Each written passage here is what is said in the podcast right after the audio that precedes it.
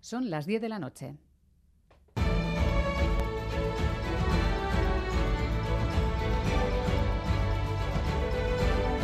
Radio Euskadi.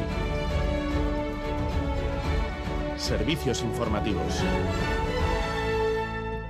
Repasamos los titulares del día con John Fernández Mur, Gabón. Gabón, Miriam, noticias de este miércoles 9 de noviembre en el que comenzamos mirando a Estados Unidos. Los demócratas resisten mucho mejor de lo esperado en las elecciones de meta de mandato y podrían mantener el control del Senado. A esta hora, 49 senadores a 48 a favor de los republicanos, cuando quedan tres asientos por ocupar. Las carreras aún por resolver en Arizona, donde con el 66% escrutado los demócratas tienen una ventaja de 5 puntos y dos aún más igualadas para deshacer el empate. Nevada, donde con el 77% escrutado ninguno de los dos candidatos alcanzaría el 50%, lo que los llevaría a una segunda vuelta.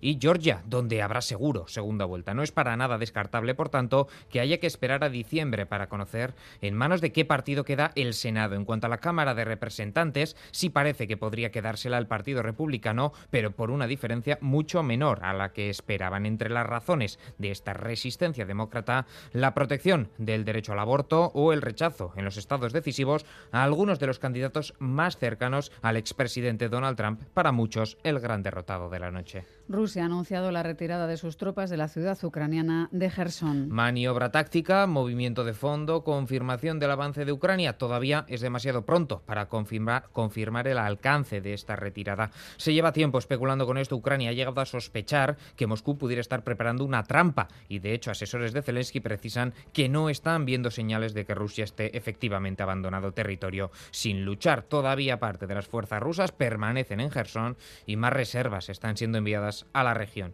Ucrania se fía, ha subrayado un asesor del presidente, en datos de su, de su inteligencia, no en declaraciones teatrales por televisión. La Fiscalía de Extranjería ha pedido al Ministerio del Interior que le remita más imágenes del asalto a la valla de Melilla. Respuesta rápida de Interior aseguran que ya han enviado tanto a Fiscalía como al Defensor del Pueblo todo el material del que disponen. En casa, la primera ronda de negociaciones de los presupuestos vascos confirma que el proceso no va a ser fácil. La oposición ha vuelto a poner sobre la mesa una reforma fiscal y cambios estructurales que el gobierno ya ha descartado. EH Bildu pide 450 millones para, entre otras cuestiones, un bono energético o ayudas para jóvenes y alquileres. Mayalen Iriarte.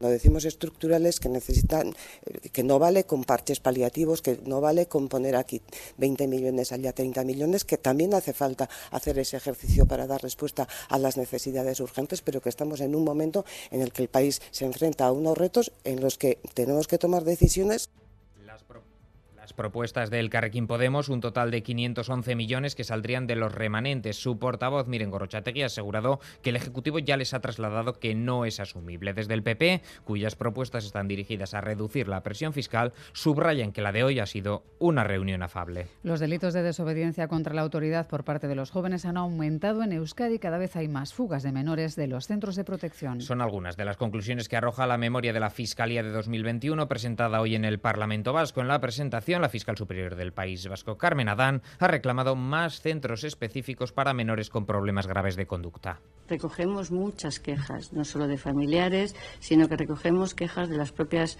eh, personas que trabajan en las entidades públicas, en las diputaciones. Lo que tiene que estar claro es que en muchos casos hay menores disruptivos con graves conductas que tienen que tener un centro de protección específico. No existe en Vizcaya y en Álava un centro de estas características. El sindicato ELA eleva el tono contra Osakidecha. Hoy han asegurado que los recortes de la Comunidad de Madrid en sanidad se quedan cortos frente a los del gobierno vasco. Sí, han indicado que Ayuso sigue los pasos de Osakidecha y no al revés. Palabras en una rueda de prensa en la que han denunciado la precariedad laboral en el Servicio Vasco de Salud. Arca y Cherrero, sindicato ELA. Osakidecha repite el mantra de que no hay profesionales constantemente. No hay profesionales porque Osakidecha decide dejarlos en la calle.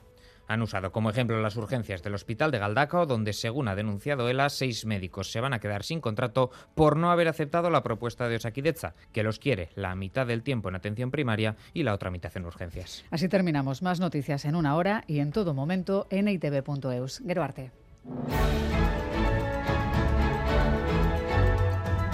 EITV, tu grupo de comunicación.